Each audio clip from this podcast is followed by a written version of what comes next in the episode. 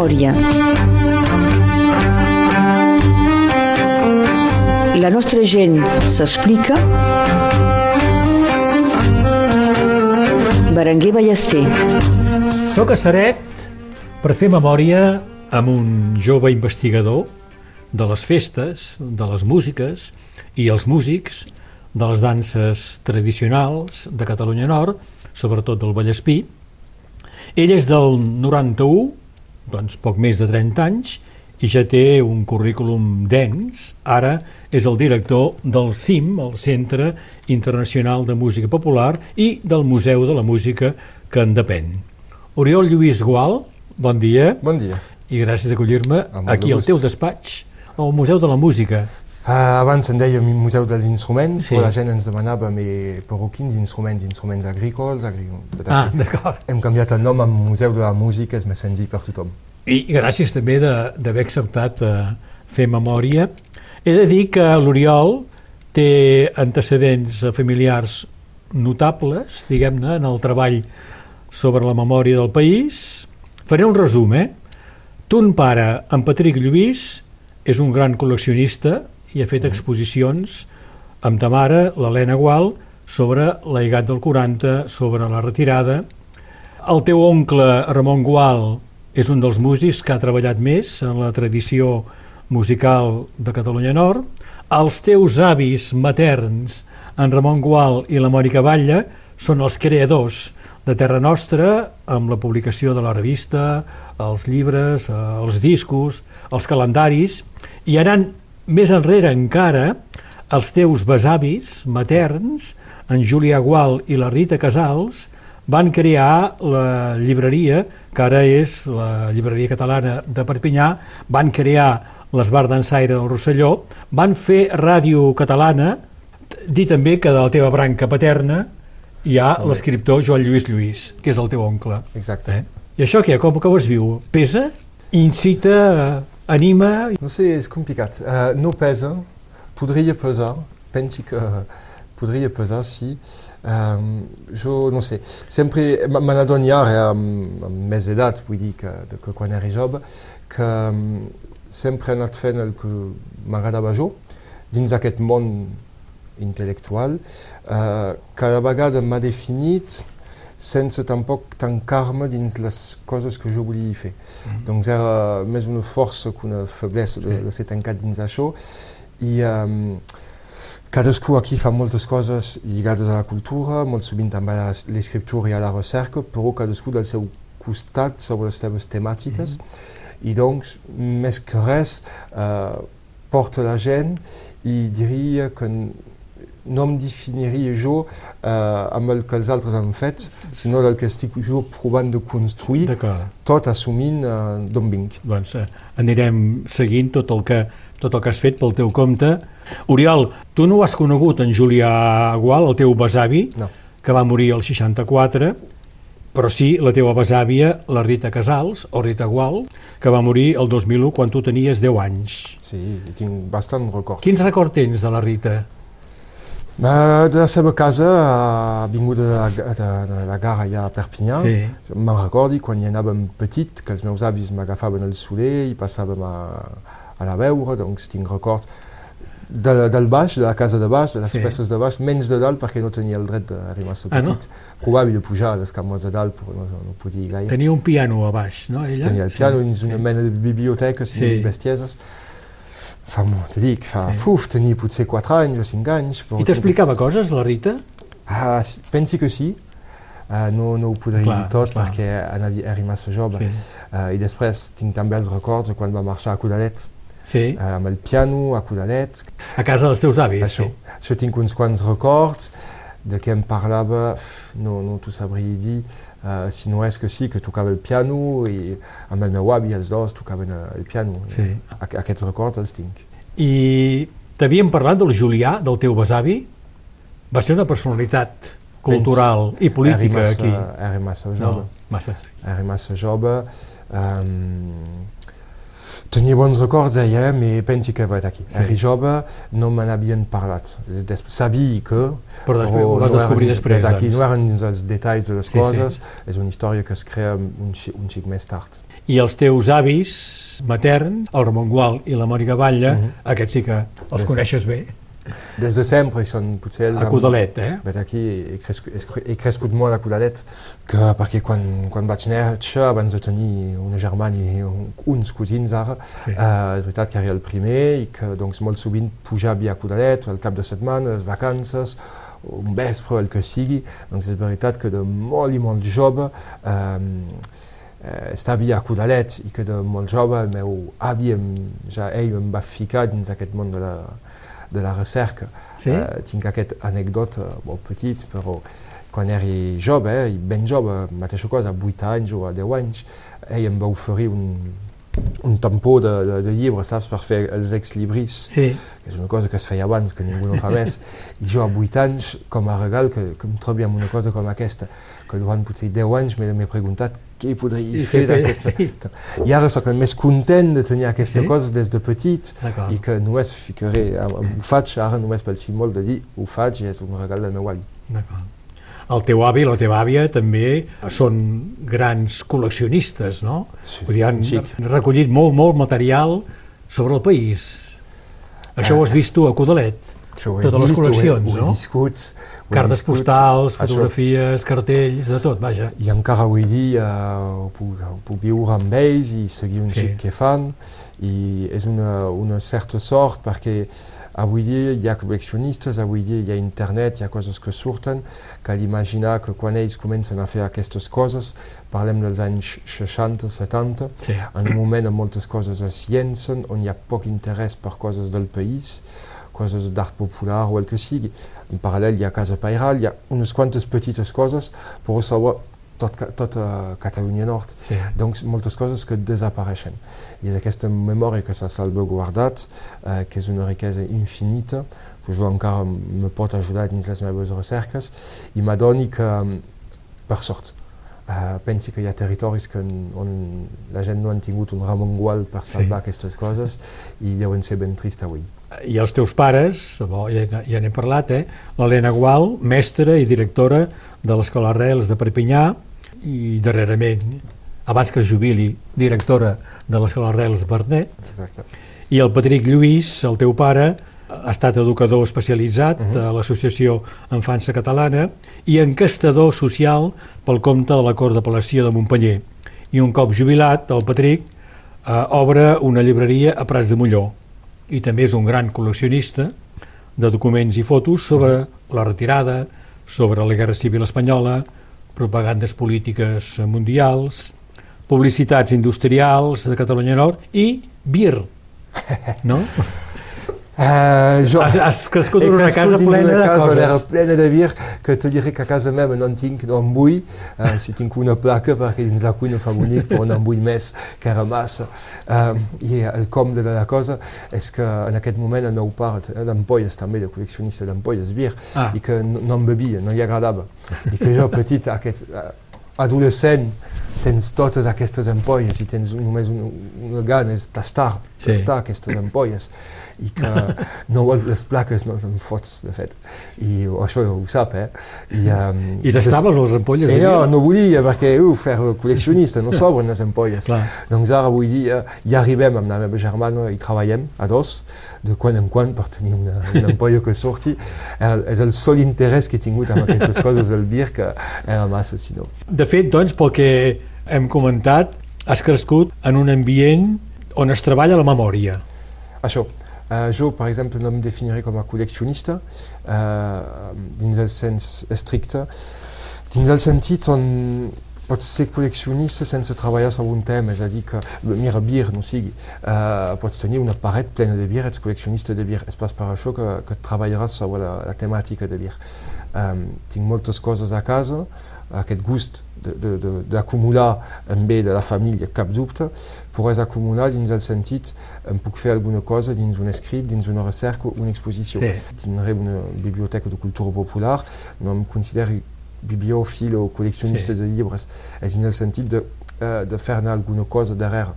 Actualment estic recuperant eines, ferro forjat, uh, fustes antigues, coses d'aquestes, de moment és veritat que no sé què fer-ne, és mateixa cosa recopilar la memòria, conservar aquestes coses, aquestes coses i reflexionar després de dir-se uh, lligam de la cultura popular nord-catalana tenim aquí una especificitat que se'n pot fer d'aquí un termini un xic més llarg. D'acord. Doncs no tens, diguem-ne, aquesta passió pel, per col·leccionar. No, Això no. vull plaques de, plaques de maiers, aquestes coses, per exemple, no és una cosa que m'interessa.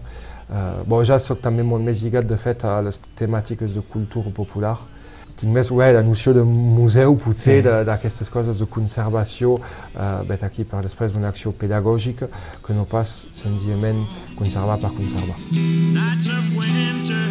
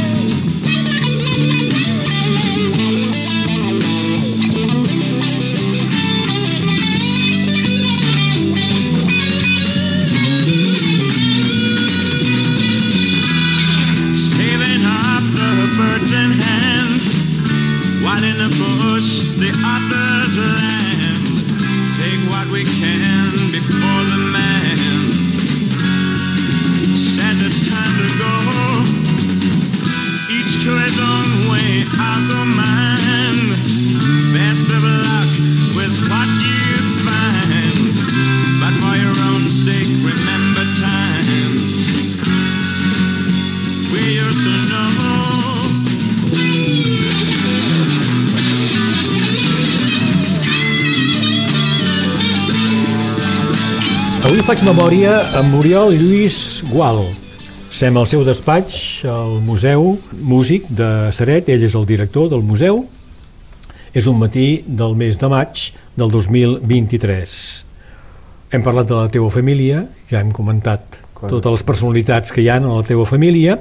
Tu neixes a Saret el 1991, però de fet neixes aquí a Saret perquè hi ha la clínica del Vallespí amb el doctor Torner. Exacte, i perquè no érem de Seret, i per, i per l'anècdota que neixo el 14 de març, 10 dies abans en Pierre Jordà, ah, que potser no que també va néixer parlat, sí. que va néixer el 24, doncs tenim 10 dies de, de diferència i encara avui dia treballem junts a nivell de la música i d'aquestes coses, sí.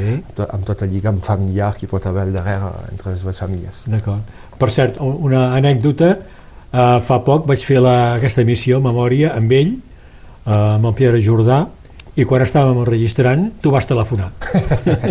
Ens truquem cada dia, sí. fem el punt cada dia de les coses. Per això.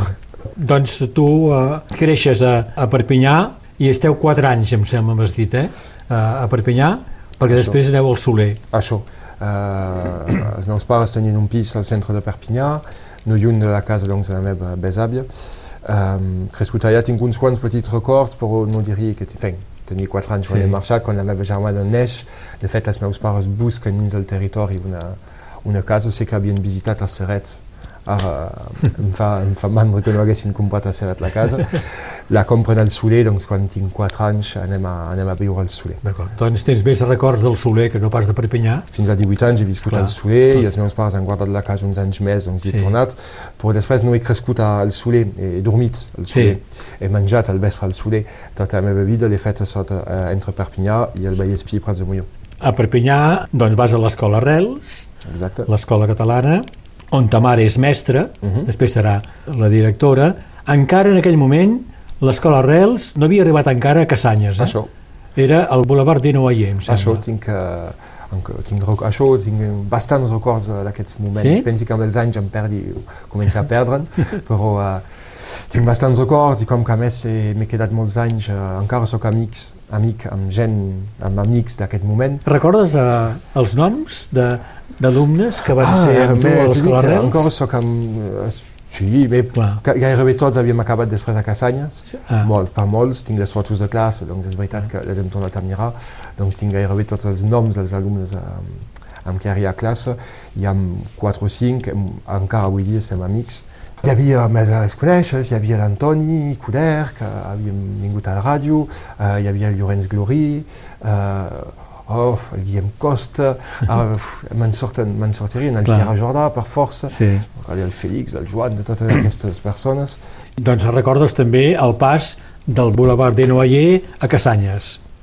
Sí, Clar. sí, sí, sí, sí, me'n recordi, perquè a més et diré que eh, l'estiu, eh, quan calia preparar la rentrada, eh, bé, jo seguia la, la meva mare, Sí. doncs eh, em feia cagar la, la primera escola era divertida, la segona, a Arrels, a l'inici a Cassanyes era més pesat. Sí? Me'n recordi, els primers anys era més pesat, després amb el temps hi havia coses a fer, doncs em recordi de petit aquest pas eh, complicat. Dius que la primera eh, era més divertida de- d'escola?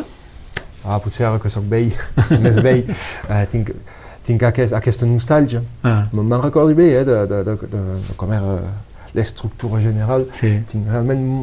La cantina no me'n recordo res, veus? Um, mais després me'n recordo ben bé les classes, de, Sí. les, les joguines. sí. En tinc encara de, joguines d'aquest moment que ens oferien a la cantina. Ah, sí, me n'he guardat una o altra, sí, sí, sempre. Eh, Oriol, i el català el, el tens de l'escola i de la família? A l'escola i a la família, ben segur. Sí. eh, que l'ús no és el mateix, que en parlarem després. Eh, com dir, la família sempre és igual, la família és la família, fas, tens una manera de fer, de parlar en família, que no és la mateixa que tindràs a l'escola, encara que, la teva, que la teva mare et segueixi Sí. sí. a, l'un i a l'altre, i després hi ha l'ús que em faré els anys més tard, eh, més socials, amb, amb altres feines, amb altres esdeveniments, on aquí t'adones plenament de, de, del perquè, de, del com de, parles aquesta llengua i l'utilitzes. Uh, Oriol Lluís Gual, tu tens una història musical, Mhm. recordaré que ets el director del Museu Músic de Saret, uh, una història musical que crec que comença a Toluges, a l'Escola de Música de Toluges, estudiant guitarra clàssica. Això, eh, els meus pares volien que, que, que anés a, a fer música, això era la cosa. Eh, me van preguntar què volia fer, i jo de petit volia fer eh, flauta travessera. I arribar massa pe- tothom m'ha dit que arribar massa petit. Doncs m'he ficat a la guitarra, eh, guitarra clàssica, que no, era, no m'agradava gaire, no es va passar gaire bé, va- vaig durar 7 o 8 anys eh, de, de guitarra clàssica, però no m'agradava. Um, i de fet és al nivell de, del col·legi, quan entri al col·legi, que entri al conservatori i que aquí em fiqui a fer uh, graia a, a, al conservatori i que no m'agrada tampoc la graia. Realment n'he fet i no m'ha agradat gens. I pari, un curs d'any, acabi pas l'any d'aquí, No t'agrada la gralla pel so que fa o pel per, so, les possibilitats... com es toca? Bé, per moltes, totes Sí. aquestes coses, no sé, no, no m'hi trobi. En aquell moment, mais però m'agrada després els cursos, tenia el Vicenç Vidalú com a professor, m'agradaven els seus cursos, volia continuar, l'instrument que no era fet per jo. I en aquest moment el Vicenç me surt, me diu, bé, hi ha o el tible o el tenor. Que quan ets petit, en aquest moment sobretot, era més senzill fer tible que no pas tenor, que és un instrument que pesa molt llarg. Uh, avui dia ha canviat, hi ha, Sí. hi ha, hi ha tenorets, tenorinets, a en aquest moment no. I en tot cas, el tible m'agrada molt, i em fiqui a fer tible.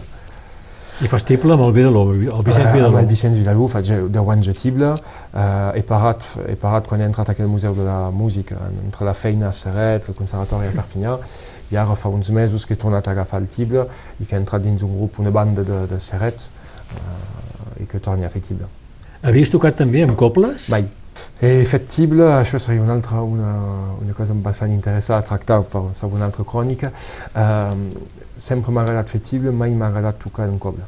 Jo el tible per jugar dins una, una mena de, de música més popular, més de passavila. Eh, que, bon, la noció de diners tampoc entrava en compte, que quan toques en coble hi ha aquesta noció.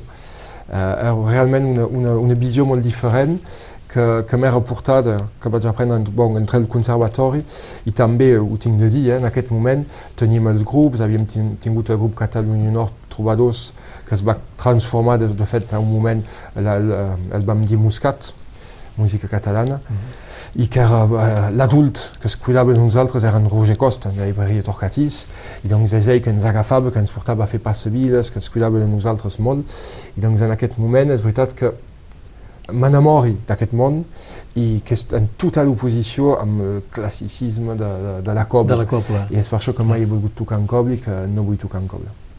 I ara, doncs, toques amb aquest grup? Toqui dins una, una banda, grup? saps, com una fanfara, sí, eh? Sí. Una banda que se'n diu els fanfarons, que és un molt amateur de, de Serret, entre Serret i Coiura, eh, molt, molt, molt amateur, però uh, molt bon ambient d'amics, i és veritat que la particularitat és que hi havia David González, que hi tocava dintre, que és un, un dels co-creadors, i que um, ell va ser, va ser tible de la Cobla Mil·lenària durant anys, ha reparat, i continua tocant dins aquest grup, doncs era com una, una banda que n'hi ha ple d'altres, sí. però eh, amb un tible que tocava. Doncs ara som dos tibles, amb una part de tible, doncs hi ha aquest barreig de sons també entre tradicionals que sentim normalment dins les coves i més d'instruments a, a vent de, de ferro. Aquesta setmana érem a Coiura, aquest cap de setmana, teníem de tocar la, la voile i com que plovia hem anat als Templiers, ah. dins els Templiers, tocarem després, no sé, la Fèria de Serret, a ple de llocs així. Sí.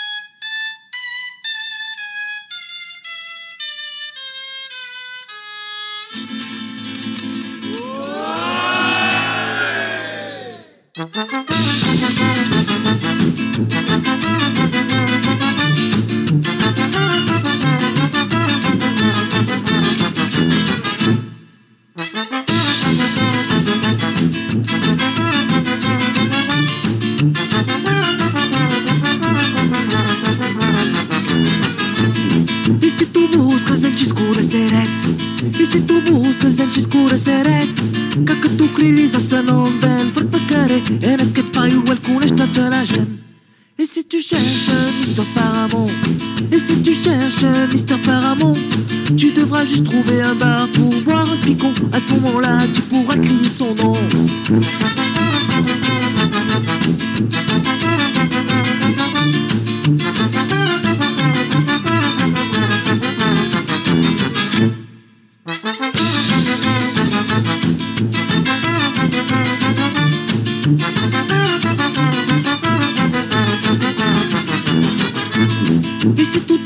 Trembles, ça Seigneur Paramount I si tu trobes el senyor Paramont, t'agradarà de conèixer un pirata tan bon del va l'estir la que el va ferir. I si tu trouves en xiscura seret, et si tu trouves en xiscura seret, il te donnera tout ce qu'il a en sa possession, sa vie, son cœur, sa joie, sa bonne humeur.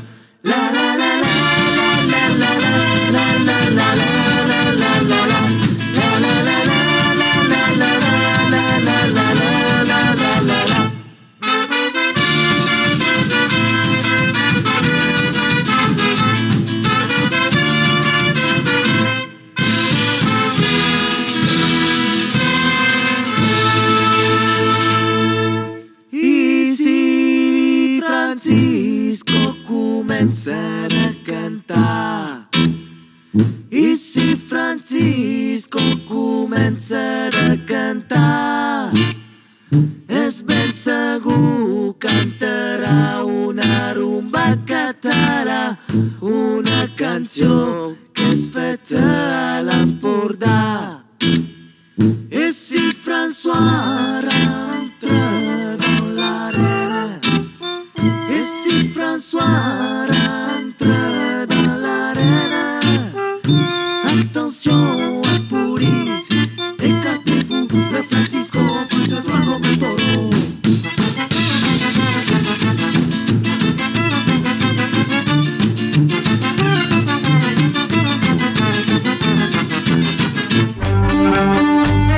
Memòria a Ràdio Arrels amb Berenguer Ballester.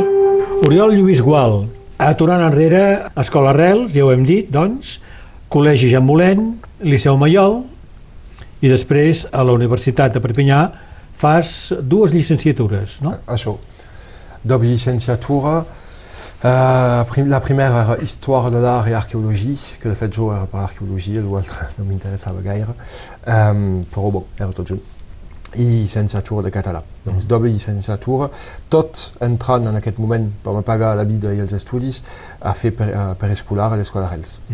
Doncs uh, tres activitats en aquest moment. La doble llicenciatura era complicat, doncs de fet me calia dos anys per fer un, un any, diria.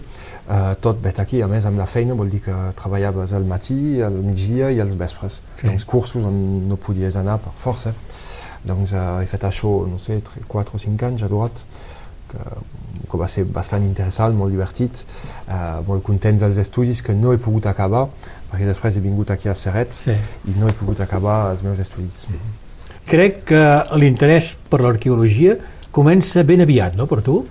Uh, no et podria dir quan, que no ho sabria dir. Et podria dir que en gran secció de maternal a Escola Rels ja A maternal? preguntava- Sí, ja preguntava, ho he guardat això, als professors si era possible fer recerques per fer una, pre presentar una recerca a la classe. Uh, coses d'història que m'agradaven molt. Um, i me recordo un llibre que he guardat que un, de petits anàvem molt a Bretanya en família i no sé, els meus pares m'havien comprat aquests llibres per petits eh, en francès, explico molt l'arqueologia una cosa com aquesta que encara l'he guardat aquests i que me recordi que petit era la meva bíblia i que on anava agafava aquests llibres um, ja m'agradava abans l'arqueologia o pas, no ho sé en tot cas, a partir d'aquí m'interessa de, des de sempre, m'ha- és una cosa que m'ha agradat es pot explicar uh, per què un mainatge li pot interessar això, Te puc- l'arqueologia? Ah, no ho sé. Te puc dir que l'estiu a Prats tenia un jardí i me feia les meves excavacions Al jardí de casa? al jardí de casa, a Prats, i me netejava la, les ceràmiques que sortíem, m'ho anava a netejar, Ah, feia secam, després com calia, amb els números alimentaris, això D'acord. a nivell del col·legi. Eh? Eh, era les meves passions d'estiu, quan podia anar a fer un forat al nivell de l'església de Prats, també m'anava a fer un forat a l'església de Prats, des de petit, no sé, aquesta curiositat potser de la història del país, potser de, de petit de trobar un tresor, no ho sé. I, Ah. doncs és una cosa sempre que, que m'ha agradat sempre, però abans de tenir 18 anys era complicat participar a, cos, a actes. Anar a jornades portes obertes, a fer coses d'aquestes, i de fet és a 18 anys que legalment tinc el dret de fer excavacions i que, que vaig a Russinó i que vaig a fer eh, un mes de- de- d'excavacions de, a Russinó eh, que va ser complicat Russinó en si mateix, vull dir, el Sí. sit en si mateix t'adones que la, la terra, una terra així al sol eh, per calia passar l'aspirador per treure la pols, en fi eh, penso que n'hi ha molts que han parat després de- d'excavacions com aquestes Perquè físicament és dur, físicament quan ets jove que tens 18 anys eh, és complicat és, és, és molt lent tot, no? La, la, sort, ouais, la sort que vam tenir era amb un amic meu i um, ens van fotre dins un, un lloc ens deia, bon, aneu a fer un forat allà, era com així, i vam caure sobre, no sé com es diu en català, un silo, que de fet eren els Ah. forats dins els quals ficaven uh, el gra, Deu descobrir això. uh, sí, i que de fet era un, no me'n recordo de quina data era, però el que era interessant és que la, ho van uh, utilitzar com a eh, com a eh, llocs per les deixalles i que travessava tots els nivells arqueològics. És a dir, que quan fèiem els forats avançàvem de, de l'edat mitjana, baixàvem romans, ibers o el que sigui, protohistòria, i teníem tot era genial, i vam acabar amb una cosa, doncs vam tenir de parar perquè de fet tant era gros el forat que calia Ah. baixar una escala. Uh, doncs després vam sortir coses i va ser genial. I després de Rossino vaig començar a fer, uh, bé, a la fac, vaig entrar a l'Associació Arqueològica dels Pirineus Orientals, on fèiem prospeccions, un xica per tot arreu, amb els professors, amb el Michel Marsluf, per exemple, que em va aprendre molt i molt i molt en aquest moment, em va portar a ple de llocs, va ser increïble per un de 18 anys, és una passió que tens i un professor que t'agafa així i que et porta a veure coses, vaig quedar, uau, genial. I a partir d'aquí, després vaig marxar amb en Pere Campmajor a Cerdanya, durant, em sembla que van ser 3 anys o 4, ara no tinc records, uh, so, un petit, deien Opidom, que de era venir gent que no ho era, uh, era un, un habitat fortificat, bastant interessant, vam sortir coses, era bastant bé, i va ser uh, un mes per estiu a treballar allà, uh, és una vida difícil però molt interessant. Bet aquí, això, en pro, uh, això són les, això que s'anomenen les, um, les, les, les, les fulles programades, les excavacions programades, és a dir, les que duren temps i que són previstes. Després, a costat d'això, sempre he pogut, per exemple, amb el grup de prehistòria del Vallespí, de les albergues del uh, filles que són basats a Serret, ara en soc el secretari de l'associació, hem pogut fer moltes campanyes de prospeccions dins del Vallespí que ens han sortir no sé quants cites uh, arqueològics romans, prehistòrics, coses, uh, realment una molt bona feina. I amb ells he pogut participar també a les albergues, a les excavacions d'un lloc que s'anomena la Fajosa, que de fet és un, un sanctuari grec, uh, és una font amb un espai sagrat, és a dir, no és un temple com la gent veu quan parlem de temples grecs, uh, és un, un lloc sagrat, amb una font dins la qual hem trobat peces d'excepció, uh, petites, trencades, petites coses. Vull dir, si, si, si passes que no saps de què va, no veus res. Però és tot, tot un, una zona, de fet, t'adones mística, uh, que, que, que era com una frontera en el temps d'Empúries. Mm -hmm. Aquí. Encara continueu aquí a l'Albera fent prospeccions? Ara hem parat de moment. Ah. Aquestes n'hem fet, si no et dic bestieses, i han passat 10 anys a sobre, sobre tota la zona i Uh, aquí, espero que un dia em facin la publicació perquè per, per la història del territori eh, és una cosa completament capdalt. I en paral·lel d'això, una cosa que sempre m'ha agradat, no sé com m'hi he ficat tampoc a dintre, un moment, ha estat uh, els dolmens.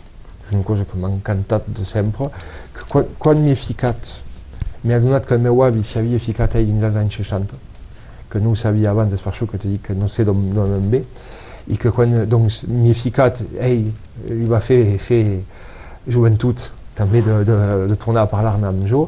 Ell n'havia trobat tres o quatre. A on els havia trobat ell? Te'n recordes? Ell més aviat costat, en fi, més aviat no, n'ha sortit dos o tres costat Conflent, uh, n'ha sortit una Corsaví, almenys, el d'Arles, que avui dia quan hi vas, si tens una autopista per hi anar, és molt visible, uh, és ell que el van tornar a trobar perquè s'havia perdut dins la vegetació i van passar, m'ho explicava, eh? amb mobilet i pujava amb els alumnes d'Arles després dels cursos, per tal de tornar a trobar, sabien que hi havia alguna cosa cap allà, però tot era mut.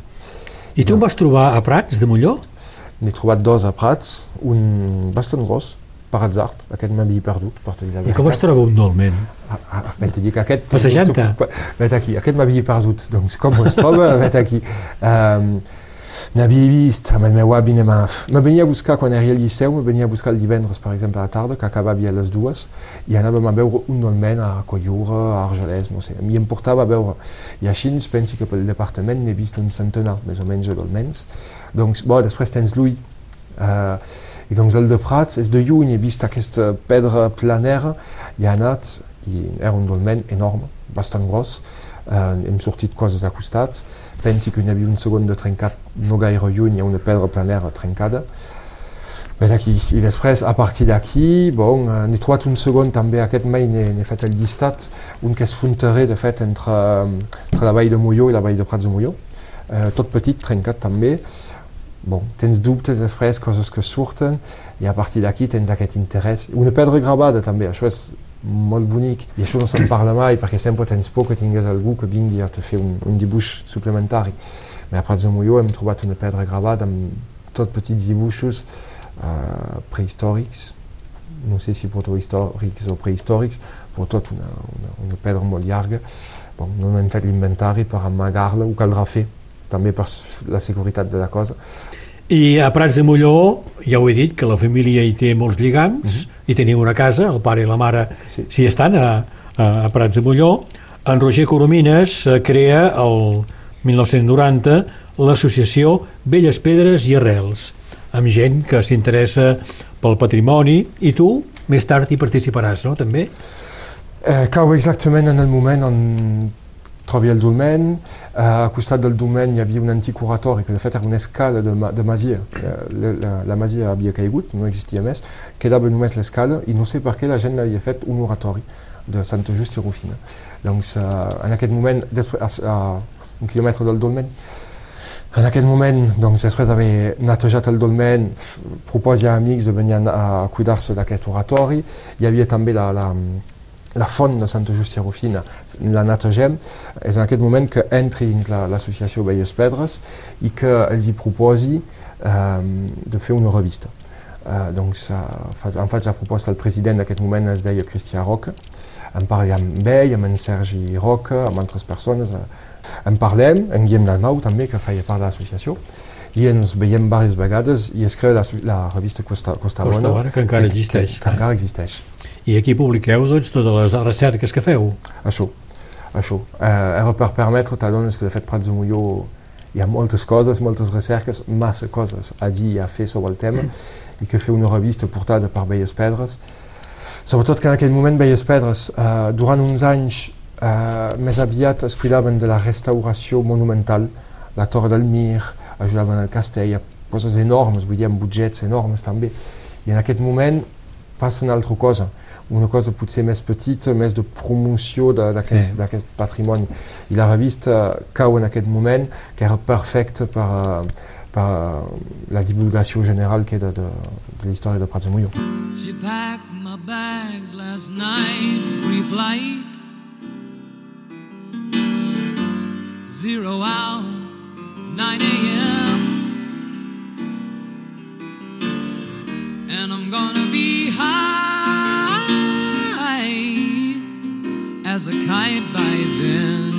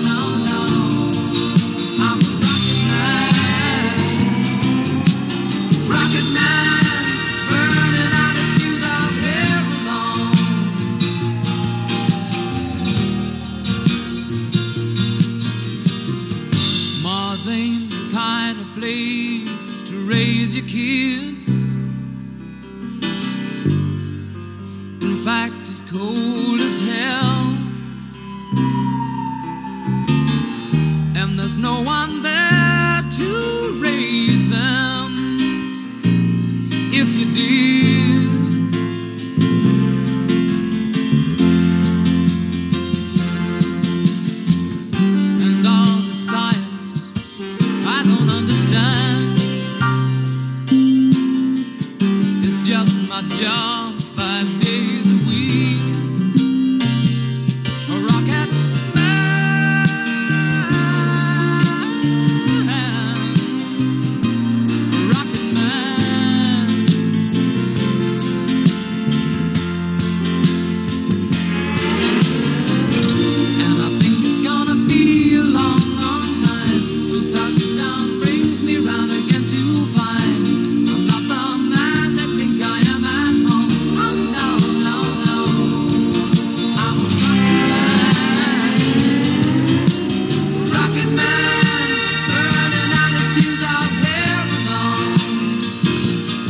Aquí la primera part de la memòria amb Oriol Lluís Gual. Sem al seu despatx de director del Museu Músic de Saret.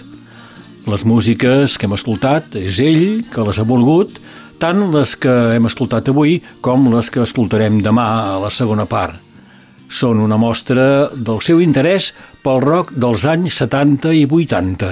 Pensi que el problema és que si havia nascut als anys 60 hauria estat content per poder conèixer tota la música dels anys 70 80, sí. que, és la, que són les músiques que escolti cada dia, que m'agraden. Són les músiques que et feia escoltar o que tu escoltaves quan les escoltava ton pare? És que, és que de uh, tenia els seus vinils, m'ho deixava tocar quan era acostat, me'ls triava i mirava la jaqueta, de fet, eh, el sí. dibuix és el que m'agradava més. Um, i sempre he tingut aquesta curiositat. No recordi que el meu pare m'hagués fet escoltar això, això, això, n'he sentit amb ell, bon, després és evident que meu pare col·leccionista de vinils, jo després m'hi fiqui a dintre en ple dins d'aquestes músiques, evident que sé d'on me ve aquesta passió, que realment és una passió, és per això que he fet aquesta, aquesta tria provant d'agafar coses uh, no gaire cèlebres. Bon, sí. per, anar... per començar, Gertro Tull. Grup de blues, grup de blues anglès que m'encanta.